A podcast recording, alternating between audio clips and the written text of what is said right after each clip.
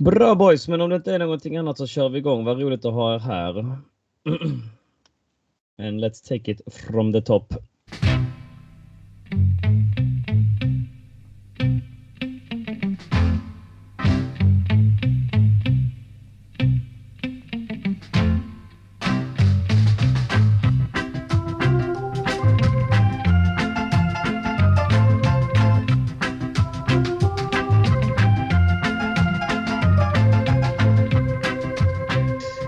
Vänner och välkomna till ett nytt avsnitt av CSS-podden. Och som ni redan vet så är vi alltså den enda svenska Chelsea-podden. Skapad av och manövrerad av Chelsea Supporter Sweden. CSS alltså. Därav CSS-podden. Och CSS är den enda officiella svenska Chelsea supporterföreningen med platinamedlemskap i Chelsea FC. Men det visste ni kanske redan. Den något krassliga rösten i era lurar just nu tillhör mig, Daniel Joanno. Även kallad Donny, din blåa spindel i det svenska Chelsea-nätet. Och jävlar vad jag har spindlat och virat ut nät både här och där de senaste dagarna. Jo då, så är det. Med mig idag har jag min co-host CSS-poddens egna Jakob Lindström. Eh, host ibland, gäst ibland, idag gäst. Hur känns det Jakob? Och ja, eh, välkommen till podden. Ja, tack. Ja, men det är alltid skönt att vara gäst också så man kan eh, sitta lite mer tillbakalutad och ta frågorna som de kommer. Så man, eh, ja, man får slappna av lite. Det är alltid kul att vara med och prata. Ja men visst är det så och bara för att man är gäst så hoppas jag inte du tar för lätt på uppgiften. Visst har du förberett dig för att det är ett krav? Självklart har jag förberett mig. Jag förstår vad du menar. Det är, äh, det är mycket mer pressande att vara på den här sidan micken. Så, så är det ju. Jag kunde ju luta mig tillbaks och, och förra veckan och låta Hannes uh, få dra det tunga lasset så att säga. Uh, andra bullar idag. Hes ja, är först, också. Det var första gången du var gäst va? Var det inte det? Första gången för, uh, men det kan du är det det? Ja, det är det kanske. Ja, det, för, det är nog första gången för den här, den här hösten. Ja, kan stämma. Men eh, det är väl jättekul att eh, man kan gå runt på det lite sådär. Det är ju det upplägget som eh, funkar hösten 21 och som jag tycker eh, har gått väldigt bra så att eh, och blir bättre och bättre dessutom. Nåväl, eh, bland oss så har vi ju en eh, ny eh, bekantskap också och eh, Alltså, man kan ju kalla dig för CSS-poddens stigande stjärna, eh, Christian Såme. Välkommen tillbaka för att här har du dundrat in som eh, med buller och bång och, och är numera ett frekvent eh, inslag får man väl ändå säga. Hallå, tack så mycket. Ja, eh, frekvent har det nog allt blivit. Från att vara en frekvent lyssnare till att vara en frekvent talare. Mm. Fantastiskt och eh, beröm får du för din medverkan och vi tycker det är väldigt roligt att ha dig här eh, idag igen. Eh, känns det bra att vara med? Absolut. Men du verkar är... ha eh, stämbanden i, i, i takt. Eh, förklara dig. Jo, eh, jag var lite sen med att få en matchbiljett till gårdagens match. Ah, så jag satt mitt bland alla Malmöare. Mm, mm, så jag var mm. lite försiktig med vad jag skrek och vad jag inte skrek. ja, det måste man ju såklart vara. ja, nej, men, jag hoppade äh, till vid målet i alla fall. Så du gjorde det? Jag gjorde lite ljud av mig. Ja, och fick inte stryk så det var ju bra. Ja. ja snyggt. Det var alltså eh, Malmö, Chelsea igår och detta är ju dagen efter. Och vilken trio vi är, vilket gäng! Eh, vi har inte bara Malmö att blicka tillbaka mot utan vi har en match till, den mot Newcastle. Så länge sedan var det vi spelade in podd. Ja, det är ju inte så jävla länge sedan, det är ju en knapp vecka sedan. Men vad, vad gör det? Vi är i full gång och matcherna avlöser varandra. Och kul ska det bli! Två matcher som sagt att blicka tillbaks mot, en att se fram emot och vi ska prata om stark defensiv, en grym målvakt, Tuchels nycklar, falsk nia och hur jävla bra är egentligen detta Chelsea? Välkomna, välkomna ska ni vara till avsnitt 122 av CSS-podden.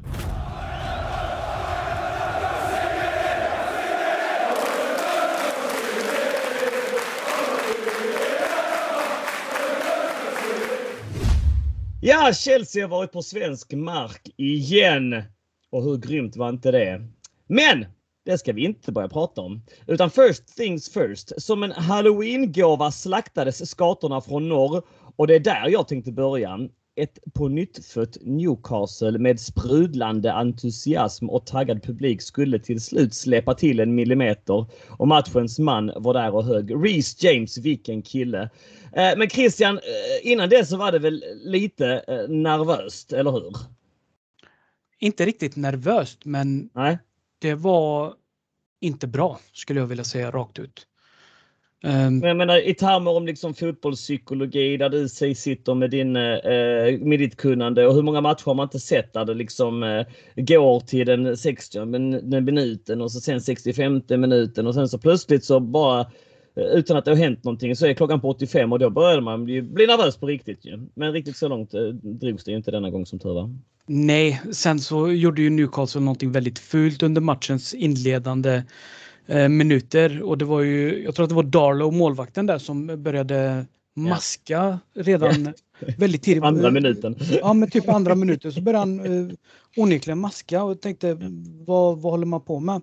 Men det är ju väldigt, det är en väldigt eh, gammal grej som man har gjort väldigt länge. Det är för att man ska rubba balansen på motståndarna bara. Eh, sen till slut så var det jag tror att det var Richie som fick ett gult kort till slut för just maskning ja. i första halvlek. Ja, det är sjukt.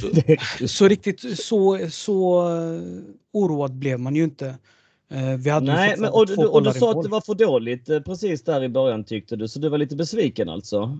Jag var väldigt besviken. Mm, utveckla. Den kreativiteten vi har varit så belönade med att ha genom åren med Fabregas eller Hazard eller eh, alla Malodas, Essiens och Lampard som vi har haft genom åren. Mm. Det här var en match där vi var totalt fantasilösa, där vi var totalt uddlösa i allting, i varenda aktion vi utförde på plan. Mm. Um, jag vet att jag var med, jag skrev i CSS-podden där och sa att mm. Ziyech måste ut. Mm. Han fick ändå, man, man får ändå ta hänsyn till att han hade två bollar i mål i första halvlek. Ja. Dock så var ju bägge offside. Ja. Och i början, jag tror att i början av andra halvlek så hade han även en eh, boll i stolpen. Ändå ja, så tyckte jag att det inte som var... touchade där ja. Mm. Ja men precis. Och det, det, var fortfarande inte, vi var inte bra. Mm. Eh, jag vet att jag talade innan, efter, eller efter Norwich-matchen där att Newcastle kommer göra, spela exakt samma sätt som Norwich gör, bara att de gör det lite bättre. Och istället för att köra man-man så kommer de köra zon och de kommer köra lågt. Mm. Och det var exakt det de gjorde och de rubbade ju Chelsea rakt av i första halvlek. De, vi, jag tror att det inte fanns en enda höjdpunkt mer än offside-målen i första halvlek. Ja, jag vet inte fan Jakob, jag tycker Christian är lite hård här alltså. Eh, jag kollar på BBC statistik efter matchen nu. 79-21 i bollinnehav, eh, 19-6 i skott, 6 mot 1 i skott på mål. Som sagt offside-mål, stolp. Tycker det är bra ändå. Eh, Jakob, ge, ge din analys här. Ja, alltså, jag, håller, jag håller med Christian det han menar och säger. Eh, och sen siffrorna kan tala ett sätt och sen eh, själva spelet, vad ögonen ser, talar för ett annat sätt. Mm. Och eh, siffrorna som du säger är ju väldigt förkrossande. Men eh, det händer ju inte så mycket. Det händer ju som ingenting i första. Vi får liksom inte. Ja, det dröjer så liksom till 70 minuten innan vi gör första målet. Mm. Eh, och med det, med de siffrorna så tycker man att det målet borde ju kunna komma mycket, mycket tidigare. Eh, och vi, märker givetvis avsaknaden av en striker. Alltså vi har ju ingen anfallare. Mm. Eh, och vi har ingen, vi har inget driv på mitten, vi har ingen Kovacic som kan ta med offensiva löpningar, de fina bollarna som mm. man har kunnat slagit tidigare. Och vi har ingen Mount. Mm. Så att mm. det är klart, men Havertz och då och Ziyech där fram, det, det är inte det vassaste trion vi har. Mm. Men är det inte så då Christian att vi alltså att man eh, tar det vad man tittar på hur eh, Newcastle ställer upp så är det ju med en fembackslinje och eh, two banks of eh, twos efter det liksom. Det är ju 5 4 1 ungefär. Eh, och det är ett väldigt, väldigt lågt försvarsspel och det är i princip 11 man eh, framför Chelseas bollförande spelare hela ja. tiden är det inte liksom välsignande då att få ett förlösande mål eh, och, och, och glädjas i det snarare än att liksom eh, sabla ner laget? Det som är eh, glädjande över allt är hur vi gör det målet och varför mm. vi gör det målet. Och det här är egentligen någonting som visar hur grym Tuchel är. som mm. tränare. Han byter ut Kanté som inte alls hade en dålig match. Han, han gjorde ju Nej. inget fel. Nej. Men han behövdes inte just den matchbilden. Newcastle mm. hade ingenting mot Chelsea. Nej. Så han byter ut honom mot Ruben Loftus-Cheek. Och om man kollar på hur första målet dyker upp så är det jag tror att det är Hudson Odoi som lägger in ett inlägg från vänsterkanten. Där mm. Loftus Cheek är på och stör Emil Kraft som då skarvar den vidare till Reece James mm. som drar till den. Mm. Hade Kanté varit kvar på plan, då hade inte det hänt. Nej.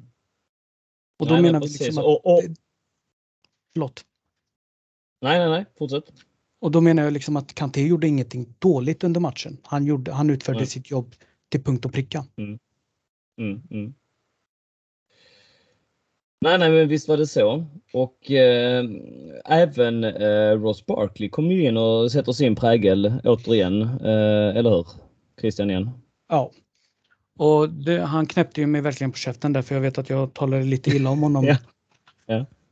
Jag tror att det var mitt första avsnitt till och med. Eh, mm. Men i halvlek så sa jag det att Ross Barkley är den mest ultimata spelaren vi har att sätta in den här matchen. Just på grund av ja, att han är, oberäkn han är oberäknelig. Mm. Mm. Man vet inte vad man kan få ut av, honom och tredje målet. Vilken löpning, men vilken genomskärare. Ja, ja. Nej, han, han har gjort några sådana. Ja, nu börjar det ju inte bli liksom så att eh, det är eh, taget ur luften på något sätt utan det, nu har han ju någon sån avgörande passning var, varje match liksom där han hittar en, en, ett fint instick. Eh, ja. Så det, det, det, skulle jag nu vilja säga var, var stora fina utropstecken efter den matchen att både Ruben Loftus-Cheek och Ross Barkley hade så fantastiska inhopp. Eh, ja, eh, lite hårda är ni båda två måste jag ändå säga. Jag tycker överlag att det var en bra match och att det mycket väl hade kunnat bli mål tidigare. Eh, men jag köper ju samtidigt det ni säger. Det är klart att man kanske kan kräva mer av ett eh, Champions League vinnande Chelsea-lag mot ett eh, rövdåligt Newcastle-lag. Eh, å andra sidan, i dessa fall så en nolla hemåt, eh, tre mål framåt och tre viktiga poäng. Det måste man också glädjas åt. Eh, ska man inte bara liksom hylla defensiven då, eh, Jakob? Jo, självklart. Och jag menar, i slutändan är det det som räknas. Det är ju poängen och det är ju målen. sen mm. hur de kommer, det, man, det får man ju ta sen. Men defensiven, mm. absolut. vi pratade om Mendy, hans viktighet tidigare och mm. hans stabilitet. Jag tror också mm. även att den backlinjen vi har, det försvaret vi har med Thiago Silva i mm. spetsen. Mm. Utan det så hade inte Mendy heller varit lika vass som han är. Eh, så bolltrygg han är. Mm. Eh, och det är egentligen skönt att vi har en målvakt som oavsett om man står och är iskall eh, och inte får mm. så mycket att göra ändå kan ja, vara, vara där i förlösande situationer så att säga. Det känns väldigt tryggt. Vi ska gå in och prata lite med Mendy efteråt när vi sen summerar båda matcherna tänkte jag, de generella intrycken. Så att eh, vi håller den tanken lite grann där och så bollar vi upp Reece James istället som jag mm. tycker att eh, är, är väldigt eh, Eh, viktig att ta fram i denna matchen med sina två mål och kanske borde han ha gjort ett tredje också. Eh, eller vad säger du Jakob? Ja, alltså den här Reece James, vi har ju hyllat han i princip varje match han har spelat. Eh, mm och frågan är hur mycket bättre kommer han kunna bli? För mm. att fortsätta det här spåret då, då är han en av de mest tongivande spelarna vi har i laget för tillfället. Mm. Mm. Och det är alltså på en högerbacksposition, eller wingbacksposition. Mm. mm. Eh, så att, hur, hur mycket mer ska vi hylla honom egentligen? Alltså det är ju det. Mm. Eh, han gör ju det han ska plus lite till, eller plus massa till. Och i sitt tredje mål, ja. Det hade ju varit grädden på moset. Hade han även eh, varit den första försvararen som har gjort hattrick i Premier League. Ja, men vi tar den bollen direkt då Christian. Vi har alltså en straff som eh, kommer efter en fin pass och eh, Kai Havertz som blir neddragen av målvakten. Såklart straff. Eh, det står 2-0 mot eh, ett av ligans sämsta lag i 81 minuten. Och jag har försökt ta lite intryck kring vad folk tycker. Och det är rätt polariserat. Det är rätt många som säger att det är klart Jorginho ska ta den faktiskt. För att eh, det är en skör ledning. 2-0. Och Jorginho är vår straffskytt. Men själv tycker jag att det är såklart att Rhys James måste ta den. Det är alltså, vi har 10 minuter kvar på matchen mot ett av ligans sämsta lag. Uh, Rhys James, det, det, är inte så att han går fram där med uh, en skitdålig strafffot heller. Rätta mig om jag har fel, men jag tror att han la straffarna i Wigan och dessutom har han på väldigt kort tid avgjort två stycken strafftävlingar eller vad man säger, shootouts i ligacupen.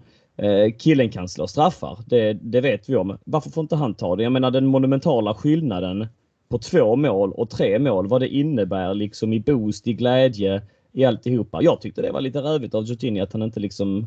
Nu vet inte jag riktigt hur den dialogen fortlöpte. Reece kanske inte ville ta den, men det är svårt att tro. Eh, ja, kommentera Christian. Hierarkin träder i kraft här. Eh, mm. Jogga är ju uttalat första skytt. Eh, Reece James är inte ens uppskriven i Chelseas straffskyttslista under en match. Eh, mm. Utan han tillhör eh, frisparksskyttarna. Det är en förklaring. En annan förklaring, jag, jag försökte lika väl grubbla i detta och kolla mm. vad, är, vad var det som hände. Ville mm. Jorginho bara vara självisk eller ville inte mm. Reece. James? Så jag gör precis som alla andra men gör på denna planet, söker på Google. Mm. Uh, då fick jag fram en massa artiklar som sa praktiskt taget samma sak om att uh, Jorginho hade sagt till ESPN Brasil att mm. Reece James frågade inte ens om han fick ta straffen. Nej, men om han hade, det verkade vara så. Mm. Ja, om han hade gjort det, då hade de diskuterat det. Mm. Å andra sidan så känner jag så här.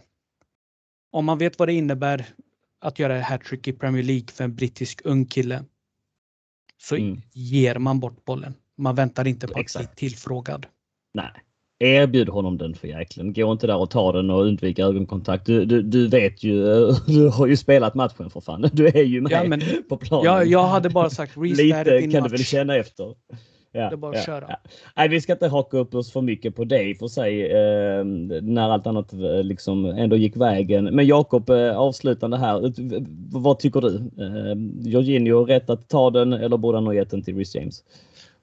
Vi var ju faktiskt inne på det där med uh, Rüdigers situation där, det var mot Norwich tror jag, uh, när han drar sin soloräd och det blir straff. Ja, och det är ju samma mm. situation där, att låta, men skulle låta Rüdiger ta straffen. Men, ja. Mm. Jag tycker precis som eh, Christian är inne på där, att, och du även Tony, att med låta Reece James att Jogge hade varit lite hedersamt att kunna tagit bollen och gett den till Reece på något sätt istället. Mm. Varsågod, här du får lägga den, gör tre mål. Men som sagt så vet man inte exakt hur det ser ut bakom kulissen riktigt. Om det verkligen är så stenhårt att äh, men blir straff, då ska Jogge lägga den för att det är, det är, liksom, det är så det är skrivet. Det, sen, det, är, det är så stenhårt. Ja. Då är det som, då, ja, jo, det... Minns man, man kanske inte vill gå... Ja, jo precis. Kommer, du ihåg det, um... kommer ni ihåg det att han ville ta en straff och Astrid ja, ja. skulle med hoppa in och säga att Jorginho bestämmer det. Ja, Absolut. Jo, jo, jo det, det minns jag. Men där var ju inte Abraham på ett hattrick. Det var ju bara Nej. att han liksom inte hade gjort mål på typ två, tre matcher eller någonting. Så att... Eh, ja, det är klart. Man kan, man kan prata eh, sig eh, hes om detta. Det är ändå lite intressant att eh, beröra kände jag. Eh, men vi är kvar på Reece James. Christian, du gjorde ju en fin Branislav Ivanovic eh, jämförelse här. Eh, jag skulle vilja påstå att Reece James är höstens stora ut, utropstecken. håller du med om det? Ja. Han har varit helt fantastisk, eller hur? Och uh, there's more to come, eller hur? Absolut. Och det, vi som supportrar när vi kollar på det här, vi har ju inte samma inblick som spelarna har. Men när mer än halva landslaget kallar honom för Reese the Beast så finns det ju en anledning bakom det.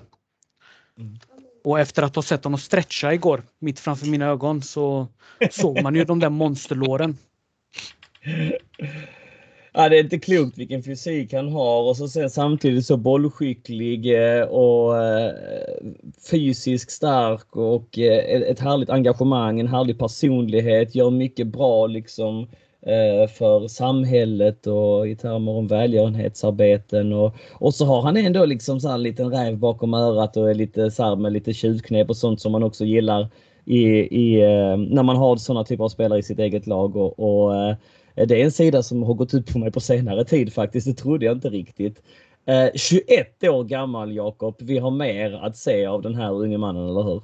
Ja, det är klart vi har. Och så får vi lägga till att han har ju även en syster som spelar i Chelsea också. Just det. Det får vi inte förglömma. Mm. Eh, nej, men Reece James som jag sa var inne på tidigare. Är han så här bra nu, hur bra kan han bli? Hur bra, hur, kom, hur bra kommer han vara om en fyra fem år? När han liksom verkligen kommer upp i den här, ska vi säga mentalt färdiga åldern. Eh, nu är 21 mm. år, det är väl, det är väl fortfarande väldigt ungt och hjärnan växer lite grann fortfarande. Så, att, eh, så jag, det är väldigt spännande att se. Eh, så, mm. eh, hoppas vi att han får eh, klara sig undan eh, diverse större skador och bara vara allmänt, allmänt frisk och få spela så att då, då tror jag att det här kommer bli så himla bra. Alltså. Ja, ja. Onekligen. Och eh, visst var det så att det var mest att han skulle vilas lite för rotationen skulle till eh, gårdagsmatchen mot Malmö? Ja. Ja, förmodligen.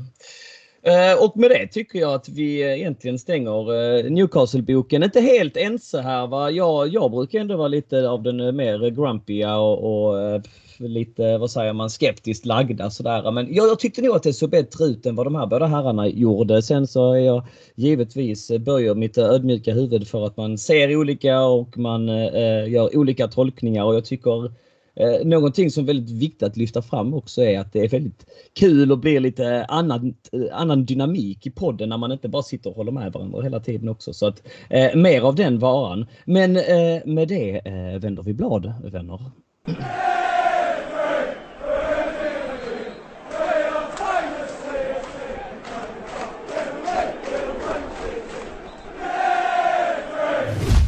Sen var det alltså Malmö. Eh, segertåget skulle fortsätta och eh, för svenskars del så var det andra gången på tre år eh, som vårt Kungsblå Londonlag besökte just denna metropol i Skåne. Och eh, jag var en del av det och vilken dag det blev. Alltså att spindla i nät och så vidare. Det var ju lite ovisst innan var vi skulle hitta samlingsställe och jag skickade ut lite mail Eh, bland annat eh, till det ställe som vi var på förra gången det begav sig, alltså Europa League-matchen 2019. Ehm, och det stället låg också på Lilla Torg. Eh, Grappa hette det stället, men där fick vi kalla handen och vi fick kalla handen på några andra ställen också. Jag var därför väldigt tacksam när Viktors svarade och på ett väldigt välkomnande sätt välkomnade oss. Och därefter så var ju uppdraget att sprida detta budskap och jag skrev en artikel här på eh, Svenska fans som vi delade vidare och eh, så är det alltid lite roligare om engelsmännen hittar till samma pub också. Ehm, och, och, och, eh, som tur är så hade Chelsea gått ut med ett mejl också att det var Lilla Torg som gällde. Eller, eller Lilla Tråg som man skrev eh, i detta mejlet. Konsekvent skrev man Lilla Tråg dessutom. Mm, men eh, Viktors blev det och jag och min far drog dit ganska tidigt så att jag hade skrivit att det skulle vara samling vid 15.00 men jag var där redan 20 över 2 någonting och hängde upp en CSS-flagga och så sen efter det så eh, drog jag och min far och eh, hämtade ut vår biljett eh, till, till borta supporterläktaren på den här utlämningsstället.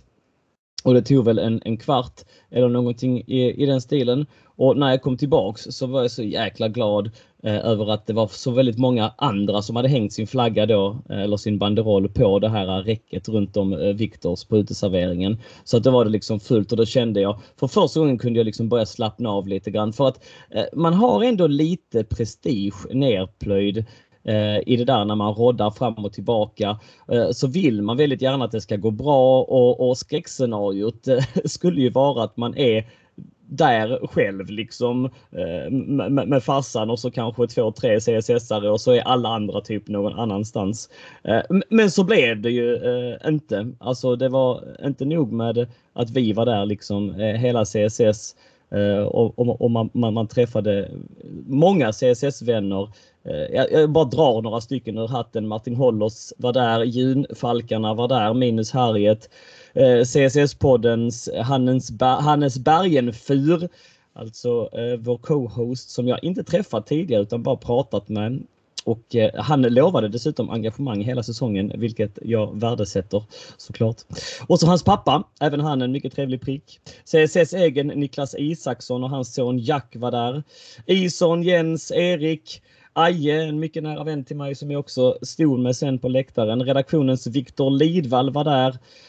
Före detta CSS-poddaren Kevin fick sig en kram. Joakim Ingves, CSS-are och eh, med över 100 allsvenska matcher under bältet. Var där Thierry Gall, Thomas Olsson och så en hel del nya bekantskaper. Några som man direkt kopplade ihop med denna podd och denna podds grupp på Facebook ska jag säga. Eh, flera av dem kom fram och berömde och bondade. Henrik Auvinen eh, var där. Adam Johansson Eh, som för övrigt stod hela matchen i bara överkropp. Ja, mm, säg vad man vill om det. Starkt! Sig, ja, ja. Vad ska man med kläder till när det finns plusgrader? Han la ut en bild i CSS på den gruppen. Eh, en ung grabb som heter Christer kom fram och tackade mig innerligt för min reseskildring och mitt engagemang på ett sånt fint sätt så att jag eh, nästan blev gråtfärdig. Ja, det var jättemånga där och många som jag missar säkert nu när jag bara nämner lite namn och, och förlåt mig för det. Christian Somme, du var ju också där, eller hur? Fast vi inte stötte på varandra. Ja. Eh, jag försökte prata så gott det gick med så många som möjligt. Eh, och så med polisen som skulle stämma av med mig hela tiden lite då och då för att ha koll på läget. De var för övrigt sjukt trevliga också. Men tack till alla som kom och tack till alla för alla fina ord för engagemanget eh, för podden och föreningen generellt. Det uppskattas jättemycket. Och så fylldes det på med engelsmän. Jajamensan, det här blev ju samlingen med stort S. Sång, ramsor, öl som flödade och fantastiskt, fantastisk stämning. Fan vad kul det var. Det blev jävligt bra och därefter gick vi i samlad trupp minut till arenan. Eh, väl på arenan gjorde vi vad vi kunde men eh, jag menar man kan inget annat eh, än att häpnas över vilket hemmastöd Malmö har. Dessutom var det ju första gången framför fulla läktare. Jag tycker trots det att det var ganska bra tryck på bortasupporten. Men ja, det var ju lite uppförsbacke.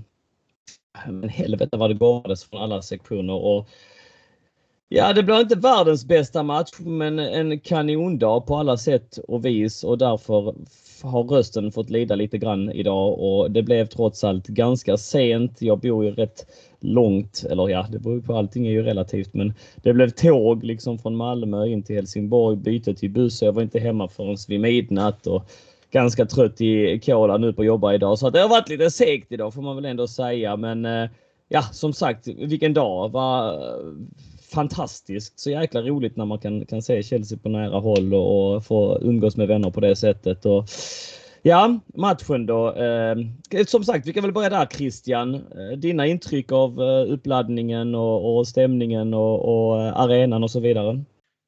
Jag var med ett sällskap som inte riktigt var på samma nivå av supporterskap som jag hade hoppats på. Okay. där jag ville vara med i uppladdningen så ville man hellre ta det lugnt och ta en öl. Och jag kände någonstans att det är de här grabbarna som kör hem mig så jag bör nog uh, hålla mig tätt till dem. Nej men uh, jag var ju på plats där på Viktors och vilken härlig känsla när alla sjöng. När man hörde Carefree och We are the mm. champions och allt det där.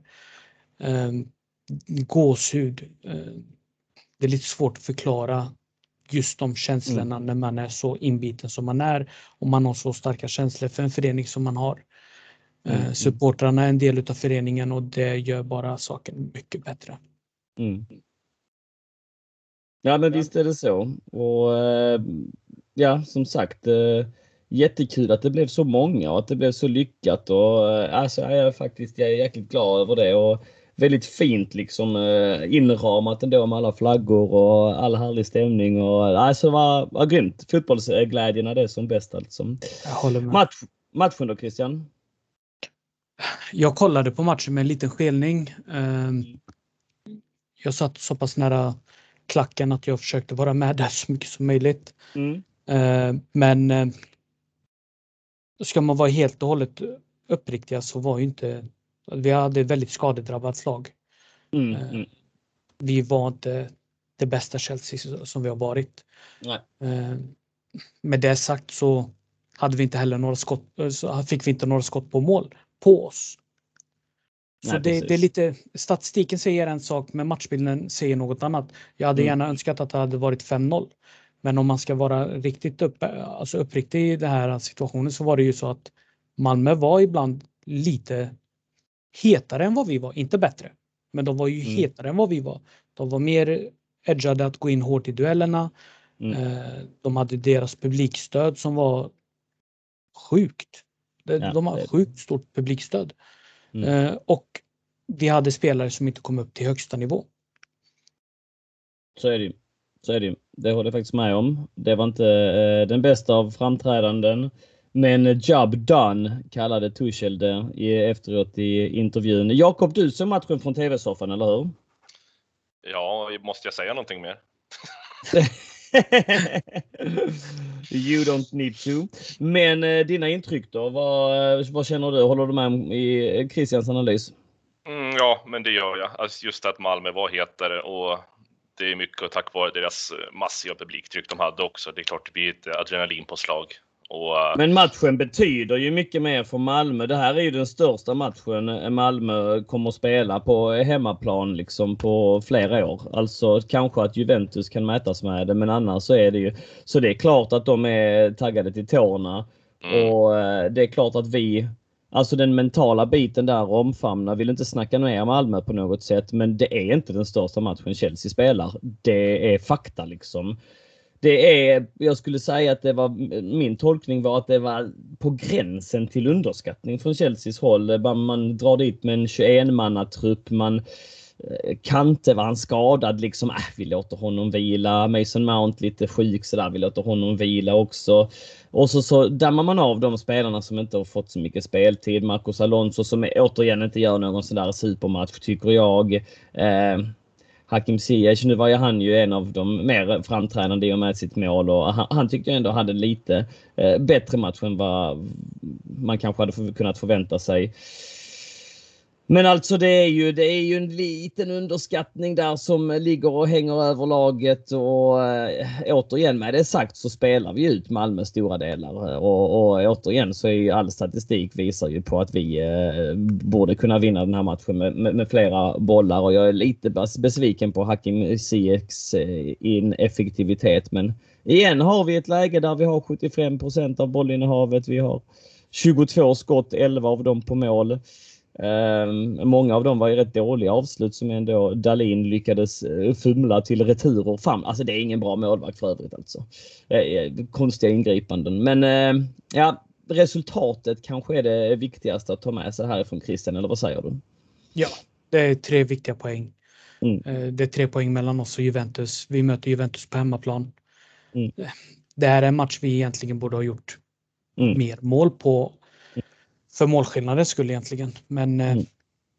jag tror inte någon kände någon typ av oro alls. Nej, Nej, alltså det kändes som att man kontrollerade den här matchen och återigen så kan man väl säga att eh, Tuchel fortsätter hitta nycklar där det liksom ställs med låga försvar och där man ändå hittar liksom eh, sätt att balansera upp Chelseas spel på som man har gjort i vissa matcher.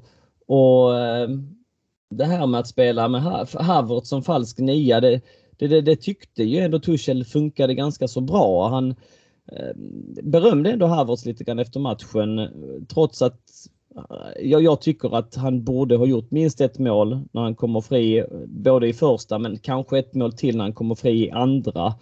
Så säger Tuchel att he had some good uh, moments with the ball and off it as well. Uh, he's bringing huge effort when we have the ball. I like uh, what he's playing, how he's playing at the moment. I can see and feel how hard he fights for the team.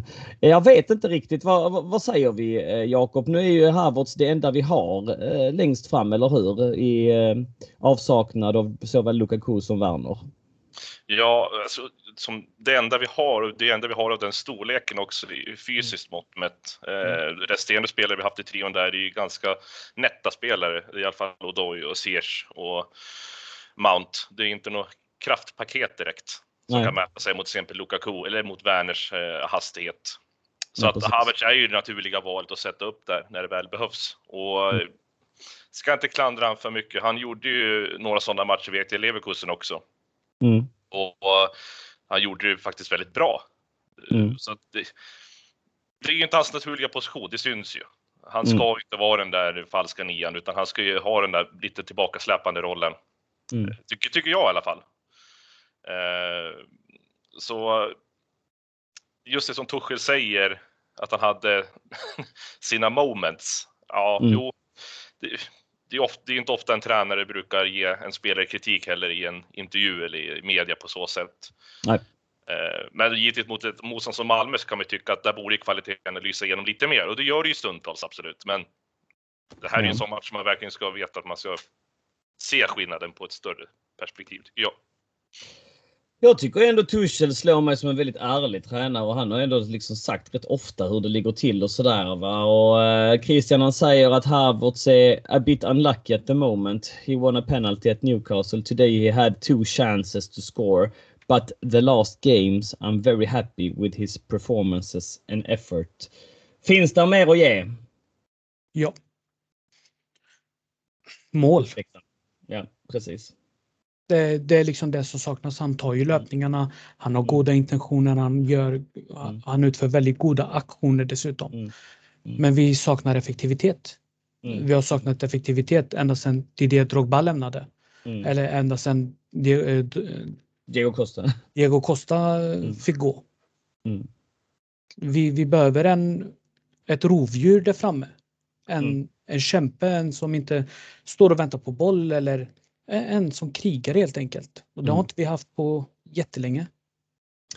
Ja, och nu kommer jag med mitt å andra sidan igen. Och å andra sidan så var detta första matchen på länge läste jag någonstans som Chelsea faktiskt eh, eh, hade vad säger man, outperformade expected goals. Man hade alltså eh, gjort färre mål än vad man hade i expected goals. Att de flesta matcher under Tuchel har man ju faktiskt gjort fler mål än vad expected goals säger att man borde ha gjort. Och så var det ju inte under Lampard. Där var vi ju synnerligen ineffektiva. Men att man faktiskt har stått på rätt sida här. Eh, sen Tuchel tog över ganska många gånger förrän då igår. För att igår så hade man fler expected goals än vad resultatet stod på. Kommentar till det? Ja, jag hatar den här expected goals. Gör det? Eh, eh, jag har svårt att se hur man på ett systematiskt sätt kan förutspå hur många mål ett lag gör mot något annat mål, äh, mot ett annat lag. Äh, mm. En, en anfallstrio eller en, en hel anfallslinje, den, den är variabel, den förändras hela tiden. Och mm. beroende på det så, jag vet inte riktigt hur det funkar så jag kan inte heller uttala mig. Men jag har aldrig tyckt om det där expected goals. Vi, Chelsea, vi har inte varit ett målmaskineri på väldigt många år. Vi är mer kända för att vara ett kompakt försvars, mm. ett kompakt försvarslag.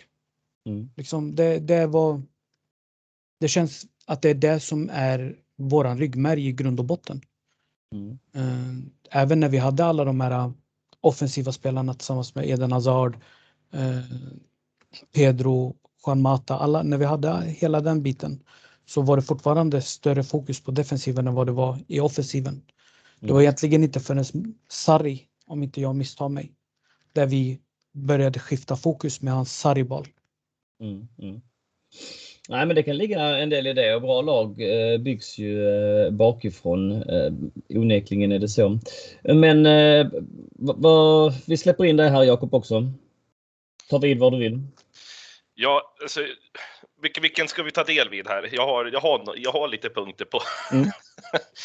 Men pratar om Ziyech eh, framträdande i den här matchen, om jag ska gå in på det. Mm. Mm. Eh, och vad, vad som är förväntat av Ziyech i en sån här situation, just den här matchen som är ett sämre motstånd. Han är en tongivande spelare i matchen. Ja, kommer han få fler chanser? Förmodligen, men i en sån här match så ska ju liksom våra spelare bevisa att de är snäppet bättre. Och Ziyech mm. gör inte det i matcher i ligan, han gör inte det liksom mot bättre lag. Mm. Eh, så att just Ziyechs situation, även fast han står för mål där, så jag tror inte att vi kommer få, tyvärr få se så mycket av han när både Mount och Werner och Lukaku är tillbaka. Eh, med det sagt så absolut, han säger ingenting emot att han är ingen dålig spelare eller så, utan det är bara att efter han blev skadad där i Supercupen mm. eh, så har det egentligen bara stå still för honom. Jag tyckte han mm. var så, han var på gång, verkligen på gång där och det känns som att vi hade någonting i honom, men sen, han, nej, han står bara still nu tyvärr. Och jag säger det även fast han... Litet fall framåt ändå den här matchen. Tycker inte det är målet och lite mer på hugget, eller? jo men absolut. Eh, mm. Det, det, det går inte att dra under stolen med. Mm. Men eh, det är ju motståndet också. Så är det ju. Alltså, det, är ett, det är ett motstånd som vi ska vara mm. överlägsna. Mm. Och eh, en spelare av Ziyech kaliber ska briljera mot ja, Lasse Nilsson på mitt mitt eller Frans Brorsson på kanten. Alltså, det, mm. så att, ja. det, det, det är egentligen självklart, men jag tror inte Ziyech kommer vara någonting, någonting större för oss framöver tyvärr. Istället mm. blir han utskänd av Jo Inge Berget. Ja, just det. Ja, ja jäklar vilken nutmeg. Ja, ja. Eh, Christian där nu när vi hoppade över till Ziyech igen.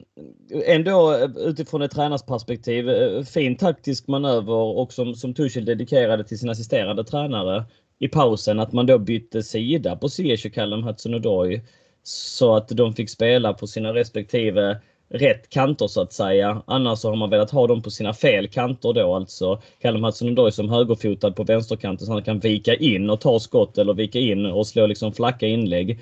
Men så bytte man dem i paus för att man tyckte att man skulle få färre bolltouch.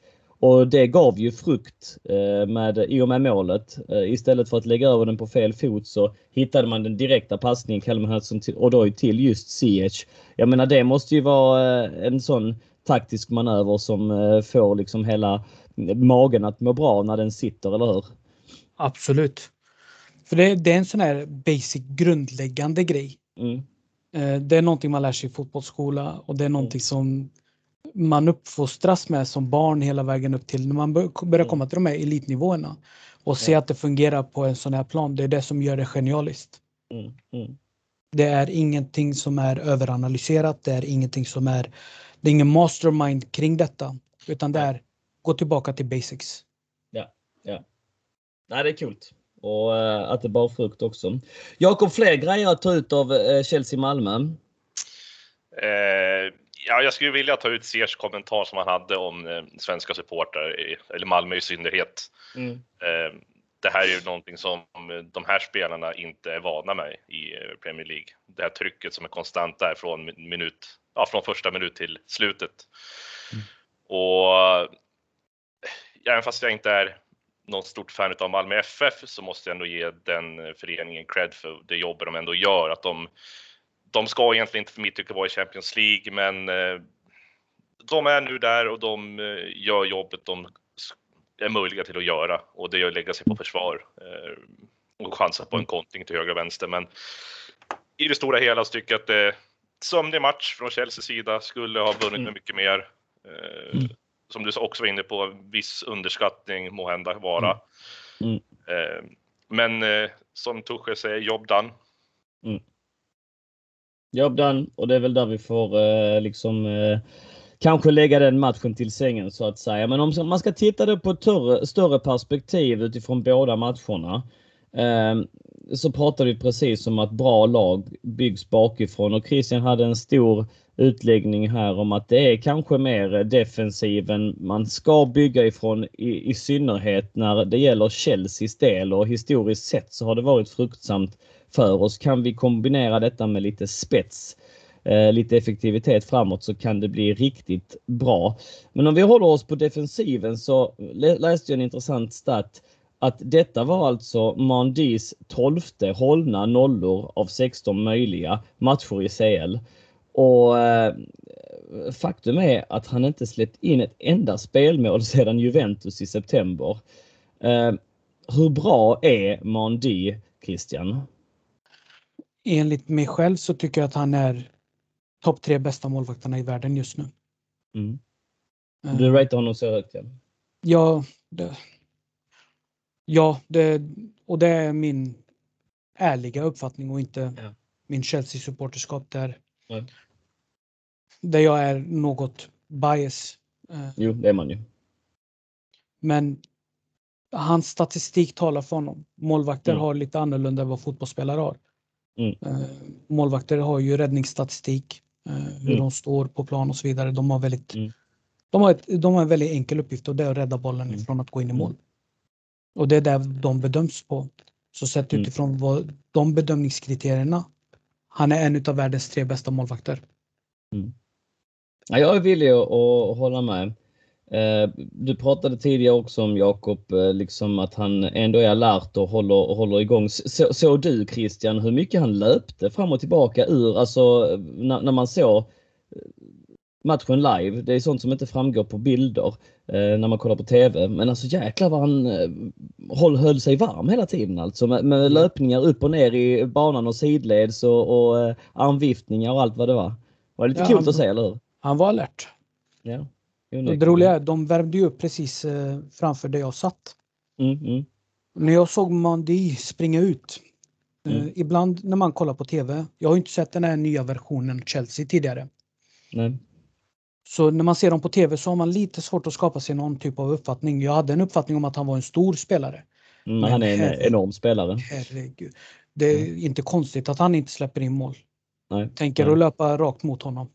Nej, nej det, är, det, det är en bjässe. Det är det. Det är eh, två meter eh, fransos-senegalese där alltså. Eh, Jakob, är vi oroliga för Afcon? Ja, han försvinner ju. Mm. Eh, så att vi blir av med våran bästa målvakt, så är det ju. Och, mm. Men det kanske är en möjlighet för att Kepa får kliva fram nu och uh, visa varför han fortfarande är förmodligen kvar i klubben i januari, om han nu blir så. För det har ju ryktats till Juventus och till, nu till Newcastle givetvis. Men uh, jag hoppas att Kepa kommer att stanna kvar så att vi har honom som backup. Mm. Uh, jag tror inte att Mendy kommer dra på sig några större skador eller så för att han, han, han, är, han känns som att han är den typen av målvakt som ändå de situationerna som ser väldigt våldsamma ut, som vi tar till exempel mot Brentford-matchen när han kliver ut mot Pontus Jansson. Mm. Eh, han är nog ändå så pass stark både i kropp och skelett så att han, eh, jag tror han kommer klara sig ganska bra i Afcon. Och, ja, så jag tror inte vi ska vara så jätteoroliga, men det är klart det finns alltid en liten oro därför att Kepa kommer mm. få för mycket luft under vingarna. Mm. Ja, nej, jag är orolig. Det är klar kvalitetsskillnad på de eh, målvakterna i min bok. Eh, med det sagt så hoppas jag att eh, Kepa är bättre än vad jag tror att han är och att han kan steppa upp och bygga vidare på de positiva framträdanden som han ändå har visat upp här under hösten när han har fått chansen. Men detta Chelsea alltså som byggs bakifrån, som du är inne också på Jakob, har ju inte bara en bra målvakt. Det är ett bra försvar alltså. Christensen börjar blomma ut till en av världens bästa mittbackar. Vem fan kunde tro det? Och, och eh, eh, den här backgeneralen som Thiago Silva är, vilken elegant spelare. Eh, Rydiger är helt fantastisk också. Kan de liksom eh, Aspilicueta som går runt på alla positioner där.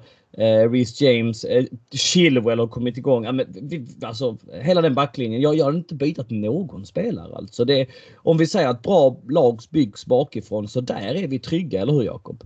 Oh ja, och jag tror att nyckeln är att, eh, från förra säsongen när vi fick, att vi fick in Thiago Silva i det här försvaret en, mm. eh, som en ledare, en general, någon som har den här ordentliga rutinen som vi verkligen behövde där bak. Yeah. Eh, som styr och ställer, även fast han inte pratar så bra engelska, men ändå kommer in och domderar mot, för, alltså styr mm. hela laget bakifrån. Mm. mm. Eh, man var ju lite orolig där Chilwells situation givetvis, när Alonso mm. spelade så pass bra som han gjorde här för mm. matcher sedan. Att, men det visar sig att Chilwell, han kommer ju tillbaka till sin forna glans. Det gör han ju. Och han blir också, Reece James, bara bättre och bättre. Mm. Eh, så Alonso, han kommer nog få se sig om som eh, bänkvärmare framöver om Kilberg fortsätter. Ja, ja, Och med all rätt. Eh, Christian, sjunde vinsten i rad. Då räknar jag i och för sig in eh, straffarna i ligacupen. Vi har varit här och snuddat vid att man kanske inte har spelat så bra alltid som man borde ha göra. Men jag menar, senast vi förlorade var ju ändå Juventus borta och, och, det är över en månad sedan och då pratades det om kris. Vi hade precis förlorat mot Manchester City också. Den stämpeln har ju trots allt eh, suddats ut. Det är idel vinster, det är idel hållna nollor. Hur bra är detta Chelsea-lag, Christian? Förmodligen ett av världens bästa just nu. Du, du, du säger det alltså? Återigen, jag återfaller till samma eh, mm. diskussioner sedan, som tidigare. Statistiken talar för sig själv. Mm. Eh, vi gör förvisso inte lika mycket mål som till exempel Liverpool eller City eller Bayern München må eh, göra mm. idag. Men Gör vi inte det då? 7-0 mot Norwich måste väl ha snyggat till den statistiken lite grann eller? Den snyggade till statistiken men den var inte tillräckligt. ja. Faktum är väl att vi har gjort näst flest mål i, i ligan efter Liverpool ser jag nu. 26 mål va? Ja, det jag såg det och jag, ja. jag var faktiskt ganska chockad över det för jag trodde inte det förrän jag såg det själv. Ja, uh, Nej, men generellt vår... sett bakåt, jag förstår vad du menar. Så ja. i synnerhet förra säsongen, bästa målgörare Jorginho. och det var det liksom ja. 100% straffar i princip. Så att ja, nej, men jag förstår vad du menar, absolut. Fortsätt nej, men när man märker liksom att oh, man kommer till en Champions League-final och möter förmodligen ett av världens bästa lag för mm. tillfället där och då. Och mm. får mm. filosofen då att byta sin taktik. Ja. På grund av att han har ingen aning om vad som försiggår i Thomas Tuchels huvud. Så Nej. tillsammans med Tuchel så anser jag oss vara en av världens bästa ja. klubbar just nu. Ja, det är viktigt att du lyfter fram det där alltså tillsammans med Tuchel. Den, det, där ser man också vad en bra tränare kan göra med ett lag. Att, eh, fan, ibland så lutar man sig tillbaks på... Alltså jag slängs ju mellan det här argumentet. Ibland tycker jag ah, Ferguson hade så jävla bra manskap och sen så plötsligt liksom ser man liksom att, att Solskär underpresterar. Undrar, undrar, undrar vad en bra tränare kan göra där. Undrar om det blir någon effekt nu med Conte i Tottenham och så ser man liksom vad, vad Tuchel har gjort med Chelsea. Så att, givetvis är det så att en tränare har eh, eh en, är en stor del i det hela och, eh, och kan lyfta lag om det är så att du lyfter fram just det med Chelsea under Tuchel här. Ja, den är monumental, den meningen alltså. Så är det. Och då ska vi ändå väva in Jakob också, skadedrabbade. Kante småskadad fram och tillbaka hela tiden. Eh, Pulisic nyss tillbakakommen. Eh, Mount har missat matcher fram och tillbaka och missat de två senaste om inget annat. Eh, Reece James har varit avstängd och skadad. Werner och Lukaku på skadelistan just nu. Eh, tillsammans med Kovacic som, som verkligen också, vi har satt ett stort utropstecken efter kring denna höst. Eh, Alltså tänk några av de skadorna på Liverpool, Jakob. Alltså, jag bollar över frågan till dig. Hur bra är Chelsea? Ja, det är precis så som du säger. Tänk om de här skadorna på just de kuggarna kommer till Liverpool. Mm. Eh, kanske till och med även på City också.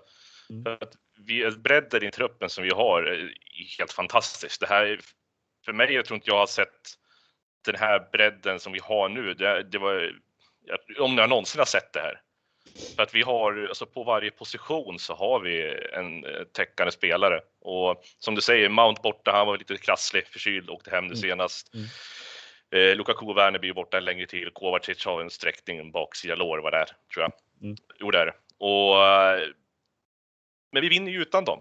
Det är bevisligen. Eh, kanske inte lika skönt spel och kanske inte lika många mål, men som vi har sagt tidigare under avsnittet här, att det är ju poängen och det är ju vinsterna som räknas. Sen hur de går till, det får man väl liksom, det får vi gemene man se på med sina egna ögon vad man tycker då. Yes. Eh, men i, kort, kortfattat då är att vi har så pass bra trupp som täcker upp på varje position och skulle det hända till exempel Liverpool City. Ja, vi märkte hur det gick sist när de blev av med van Dijk till exempel. Mm. Så att det läcker ju som ett såll nästan. De blir helt eh, indisponibla där bak. Så att, ja, vi, jag tycker att vi, vi har stabil och bra trupp och givetvis eh, Tuchel och hans ledarstab gör ett fantastiskt jobb. Ja. Christian, om vi då pratar i termer om att Chelsea är bland de bästa lagen i ligan och att eh, hela den här argumentationen pekar ju åt att vi är eh, utmanar om titeln i år. Det är väl inte att sticka ut hakan och, och, och påstå det. Men om vi är ett av de bästa lagen i ligan, då innebär det väl också år 2021-2022 att vi är bland de bästa lagen i Europa, eller hur? För vi har sett de italienska lagen stagnera alternativt ta ett steg tillbaka. Vi har sett de spanska lagen stagnera alternativt ta ett steg tillbaka.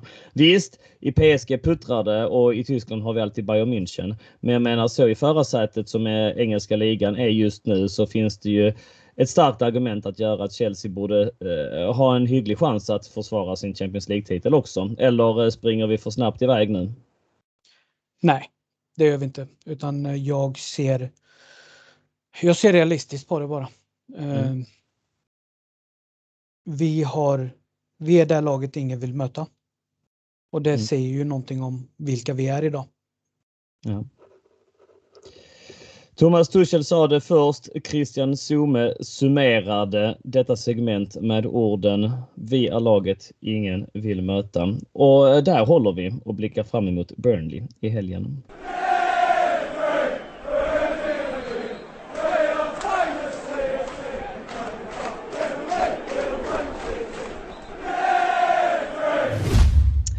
För Jakob, det ska spelas fotboll i helgen innan det ska spelas landslagsfotboll igen. Suck! Därefter har vi dock ett härligt november-december spelschema med mycket matchande att se fram emot och då kan vi lägga landslagsfotbollen åt sidan en gång för alla. Ja, nåväl. För ett bra tag framöver i alla fall. Men som sagt, vi ska inte springa iväg allt för långt. Burnley på lördag 16.00. Eh, vi har ändå sagt att vi har varit inne i ett lätt matchande och på pappret så får man väl ändå konstatera att Burnley tillhör den gruppen. Va? Eh, något floppartat här eh, under säsongsinledningen. Man eh, ligger på en 18 plats i ligan, blott en vinst och den kom senast eh, i helgen när man mötte Brentford. Jag har bett dig ta pulsen på Burnley vad är det vi ställs mot i eh, höstens eh, sista match innan landslagsuppehållet? Ja, vi ställs mot ett Burnley som är ett sargat lag för tillfället. Även fast vinsten mot Brentford i 3 så har det fått lite eh, luft under vingarna såklart. Men eh, Sean Dyche och hans manskap har ju inte lyckats med var som jag har förstått vad ägarna och beredningen har velat under den här säsongen. Mm. Eh, experterna däremot inför säsongen har ju tippat att Burnley var ett av lagen som skulle trilla ur Premier League i år. Mm. Och eh, som sagt, de vann senast nu i lördag, det är första vinsten och de vann i ligacupen då mot Rochdale med 4-1. Mm. Eh, men mitt över det så har de ju inte, de har inte glänst överhuvudtaget. Nej. Och, men de har ju fortfarande, det finns ju fortfarande hot, så är det. Eh, i Premier League kan allting hända. Och inte minst med Maxwell Cornett som är, på, som är forward i Burnley. Han har ju stått för fyra mål framåt. Och eh, han, men han är ganska också väldigt farlig när han får de här lägena. Speciellt mottaga boll utanför straffområdet och driva in boll i straffområdet. Där är han väldigt farlig och kan hota till exempel om vi förmodar att Christensen skulle vara försvarare och ha en dålig dag så kan det bli lite jobbigt. Eh, och så givetvis om de får igång klassikern Jay Rodriguez. Eh, han har ju bara gjort fyra mål och det gjorde han ju en och samma match och det var ju mot Rochdale i ligacupen. Sen har inte han varit så jättebriljant, men man vet ju aldrig det heller. Kan han få en eh, flyt i den matchen, då är det jobbigt. Och vi har ju varit med om smälla mot Burnley förut. Jag tänker inte minst 2017 i säsongspremiären. 12 augusti där, så då, då åkte vi på pisk med 3-2 hemma mot Burnley. Mm. Mm. Så de, de är ju aldrig att räkna ut oavsett om de eh, går ner sig ordentligt i ligan. Eh, för det är ju sådana lag som älskar att komma till sådana ställen som, även om man säger att Chelsea inte lag man vill möta, men lag som Burnley som ligger i den position de har, de spelar ju med stor press, men de älskar ju de här matcherna tror jag mer än vad Chelsea gör. Ja, så kan det vara. Eh, hur ställer man upp? Eh, jag har gått igenom deras laguppställning de senaste tre, fyra matcherna och har mm. inte sett några större förändringar. Så med likelse att matchen mot Brentford så kommer vi få se samma lag, eventuellt en Jay Rodriguez på, på topp eh, mm. som ensam forward och ha en eh, Maxwell Campbell på uh, släpande. Inte Chris Wood? Eh, Chris Wood har eh, senaste, gången, senaste rapporten har Chris Wood känningar i höger vad så att det är okay. osäkert om han kommer vara med. All right. Eh, han är alltså li lite favorit för mig alltså. Så Rivis lite i, uh, ger aldrig upp. Uh, jag vet inte, gillar honom lite grann. Ja, alltså att laget i sig kommer se väldigt... Det är klassiskt 4-4-2 de har kört med. Uh, mm. inga, inga, konstigheter. Nej, han gillar ju det, Sean Dice, och pratar gott om det systemet alltid i intervjuer. Och, ja, det, han är inte mycket för moderniteter på det sättet. Nej, och det är mycket det som kan drabba att de ligger där de ligger tror jag. Ja. Mm. Eh, Christian, eh, bör vi vara oroliga mot Burnley? Nej, det tror jag inte. Nej. Nej. Vad tror Dessutom... du eh, kommer att vara avgörande? Pulisic gör mål. Eh, jag tror att det blir en stabil 3-0 igen. Jag gissade ju rätt på resultatet förra matchen. Ja, just det. Stämmer. Lite fel på målskyttarna men... Ja. Jag, jag gissar på en Hannes stabil... riggade dig så att jag gissade mig rätt också, eller hur? Ja. Mm. Eh, skadeläget, ska vi gå igenom det? Vad sa du? Chris Wood skadad? Någon annan som eh, värt att nämna som ett avbräck i Burnley, Jakob? Och hur ser det ut i vår del? Vet du det? Ja, det, det är inte 100 procent att Chris Wood är, han är ju känningar för tillfället så det är inte hundra att han blir borta eh, Nej. på lördag utan eh, det är bara senaste rapporten att han klev av träning senast. Mm. Eh, I större så har ju Burnley Dave Stevens skadad. Det är ju mm. ingen, det är mittfältare som inte är eh, så jätteallvarlig för våran del om han är borta eller spelar. Nej. Nej. Däremot på våran front så Mason Mount kommer ju för största förmodligen vara tillbaka. Mm. Och det ser ju alla fram emot. Eh, mm. Lukaku, Werner givetvis borta, Kovacic borta. Ja. Eh, och det har ju Tuchel mer eller mindre bekräftat att de, vi räknar inte med dem innan landslagsuppehållet. Så att eh, det är väl det som gäller för den trion, eller hur? Precis. Mm. Mm. Så att det, Hur, jag tror, ja. Ja, fortsätt. Så jag tror att på våran sida så kommer vi få se ganska så lika lag som vi har sett mot eh, Malmö och mot Newcastle. Eh, rotation givetvis av att Reece James kommer in nu istället på högersidan istället för att Aspilicueta kliver ner. Och, mm. Eller så har vi Christensen bakom som mot Malmö senast, eller mot mm. Newcastle. Så vi, det, det, det, det är positioner där som kan vara lite rörande. Då. Eh, sen kommer vi givetvis få se Kanté, Jorginho. Något annat mm. tycker jag vore väldigt konstigt. Loftus Cheek har gjort det väldigt bra, men jag tror inte han är eh, kanske riktigt redo för att ta startmatcher, eh, startplats så många matcher i raden, utan eh, det är bättre att slussa in den lite försiktigare. Mm. Eh, och på fronten där så tror jag att Ziyech kommer få kliva av till förmån för Mount. Eh, mm. Så vi kör Mount, Odoi och Havertz på toppen.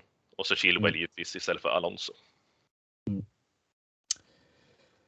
Det är onsdag idag när vi spelar in. Måtte då eh, Mount ha blivit frisk för det är det någon, någon sjukdom som har spökat där alltså. Tuchel har varit väldigt mån om att understryka att det inte är covid men ändå någon sjukdom så att det får vi hoppas att han repar sig eh, ifrån.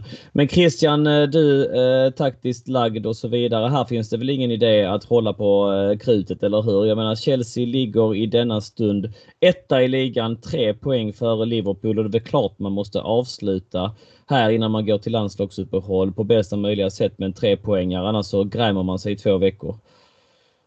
Ja, det stämmer. Eh, och jag tror att det är den mentaliteten och den inställningen killarna har också.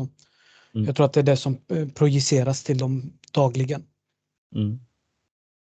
Och Chelsea har alltså eh, fyra raka vinster. Om man tittar på den här fina, eh, de här plupparna, de här trafikljusen eller vad man ska kalla det, så är det alltså fyra gröna pluppar och en röd längst bak där. Så man har chans att gå till landslagsuppehåll med fem gröna pluppar och vem vill inte det? Grabbar innan vi rundar av. Eh, 3-0 sa du Christian. Jakob, eh, ge oss ett slutresultat. Jag säger 4-0. 4-0. Um, ja, profetiorna är eh, inte att hålla igen med i alla fall. Trots att eh, grabbarna var lite kritiska tidigare. Jag stämmer väl in i kören va. Men 3-4-0 eh, låter rimligt. Jakob, du hade ju en anekdot på Burnley också. Ja, jag satt faktiskt och läste häromdagen en jättekär bok som jag har hemma som heter Kings of the Kings Road. Om det är någon mm. av er som har läst den. Det handlar ju om Chelsea-laget på 60 och 70-talet. Mm. Jätteintressant bok. Mm. Eh, men då fanns det faktiskt en liten punkt som jag fastnade för just inför Burnley så tog jag reda lite mer på det för att det fanns ett litet stycke bara från vår gamle tränare Tommy Docherty som tyvärr gick ur tiden i, eh, på nyårsafton förra året. Mm. Eh, det här var alltså 1965 som det här hände och hade det, den här situationen hänt idag så hade det blivit en av de största skandalerna inom fotbollen någonsin. Så att det som, det är klart, det var en stor grej då också, men ja, genom åren här så har man lätt att det här är en liten kul grej som de eh, gamla rävarna brukar ta upp på The Bridge ibland som, ja, att det var inte så farligt tycker de. Eh, men i alla fall alltså året 1965 som Tommy Docherty är manager för eh, Chelsea och laget som han själv hade gett smeknamn eh, Tommy, Tommy Dochertys Little Diamonds för att det var så fina och duktiga spelare i det här laget. Och just det här året så utmanade vi även Manchester United om ligatiteln och två matcher återstår den här säsongen och det är Burnley borta och det är Blackpool borta två dagar senare. Och laget reser upp och bor i Blackpool eftersom det skiljer bara ungefär fem mil mellan Burnley och Blackpool så väljer de att vi placerar oss i Blackpool inför de här mötena. Och inför Burnley, innan Burnley-matchen, alltså onsdagen, de ska möta Burnley på lördagen, så onsdagen så väljer Terry Venables, Barry Bridge, George Graham, Eddie McCready, John Hollins, Burt Murray, Marvin Hinton och Joe Fashion alltså skotten som hade inte hade en så jättefantastisk karriär i Chelsea under 60-talet. Men de beslutade sig bara helt enkelt Sonic att testa på utelivet i Blackpool på onsdagen. Och de bröt ju alltså då Dockertys eh, regel med utegångsförbud, att det var liksom, ni får inte gå ut och partaja och festa och käka på restauranger etc. Det var ganska stenhårt på den tiden. Eh, de bröt givetvis det här och kom tillbaka fulla och glada runt tre på natten till hotellet. Eh, Docherty vaknar och han säger också även i boken här att han kliver in i ett av hotellrummen och ser då John Hollins ligga och låtsas sova i sängen så han lyfter på täcket och ser att John Hollins då är klädd i jacka, skjorta och slips och byxor och finskor under täcket. eh, och den här matchen på lördagen, de här spelarna som jag nämnde har blivit ivägskickade med tåget tillbaka till London. Spelar inte matchen mot Burnley. Chelsea förlorar matchen med så här många spelare saknade och vi förlorar också chansen att vinna ligan år 1965 tack vare ett litet snedsteg ute på krogen. Herregud, så det kan gå. Ja, och eh, vad säger man? Jag tänker att eh, var det värt det? Ja. den har jag faktiskt aldrig hört någonsin så den tackar vi jättemycket för Jakob. Fantastiskt. Alltid roligt. Du har många sådana kuriosa att dra fram ur eh, skjortärmen och ja, keep them coming. Jag tipsar också om Kings of the Kings Road-boken. att det, är en helt fantastisk läsning för alla som är inbitna och vill veta lite mer historia, just 60-70-tal som är speciella ja. årtionden. Ja. Nej, den är med på listan onekligen. Jag betar av dem också en efter en, men eh, inte i någon så här ryslig takt måste jag tyvärr erkänna. Men ja, nej, den ska vi komma över. Och eh, med det tänker jag att vi knyter ihop säcken. Jag ska säga så här mina kära vänner som har lyssnat. Tack så jättemycket för allt eh, för att ni lyssnar, för att ni hänger med och för all pepp eh, vi får. Eh, gå gärna in på CSS-podden-gruppen och fortsätt diskussionen. Den gruppen har verkligen gått varm. Och så får jag beklaga att eh, min röst har varit sådär. Inte nog med det så har jag dragit på mig en förkylning och inte nog med det så har jag sovit sådär fyra timmar i natt. Så att jag är inte helt i form idag. Men jag tror ändå vi fick ihop det på ett bra sätt. Och eh, om inget annat så fick vi ut en podd och jag har haft jäkligt roligt och jag hoppas att ni har haft det också. Jakob och Christian, visst har det varit kul? Ja. Avslutningsvis vill jag påminna alla att följa oss på sociala medier för det är ju där supporterföreningen man kan stötta supporterföreningen ska jag säga och inget annat. Chelsea Supporter Sweden står ju bakom podden och man behöver inte vara medlem för att ta del av vårt ideella arbete. Men vill man stötta så följ oss på Instagram och följ oss på Twitter. Och i övrigt så rekommenderar jag ett besök på vår hemsida på Svenska fans. Det är www.svenskafans.com England Chelsea. Där kan man läsa artiklar, matchrapporter, krönikor och info om supporterföreningen och vårt arbete. Tänk nu på att medlemsregistreringen bara är öppen en dryg månad till. Så vill du bli medlem i vår fina förening så bli det redan idag. Om du lyssnar på podden och ännu inte blivit medlem i CSS-podden-gruppen på Facebook så kan jag varmt rekommendera det också. Där kan man diskutera podden och dess innehåll samtidigt som man kan dela och läsa olika trådar. Man kan diskutera i våra matchtrådar som vi lägger ut inför varje match. Och som jag har bommat de två typ senaste matcherna, vilket är sjukt klantigt av mig. Men eh, ja, nu igår var jag i Malmö och eh, hade fokus på annat håll men då var det någon annan eh, hjälte som ryckte ut, Rickard, och det uppskattar vi. Men eh, allt som oftast så är det jag som lägger ut dem och eh, jag ska försöka inte bomma fler framöver. En sista plugg. Bli medlem i CSS. Så är det. Det finns jättemånga fördelar med det och det tycker vi är roligt om du vill. Och där sätter vi punkt. Vi tackar så mycket Jakob för att du har varit med idag tack själv för att jag får vara med på den här sidan också. Eh, som sagt, vi tog upp i början, det, det är inte jätteavkopplande. Det är inte, så, det är inte så jag menar, utan det är bara skönt att man kan låta någon annan styra skeppet några gånger. Såklart. Fattar exakt eh, hur du menar. Och det är kul att variera det lite grann också. Och Christian, stjärna som vanligt. Tack för att du var med också. Tack så mycket Daniel. Tack så mycket till alla som har lyssnat. Carefree och up the Chels!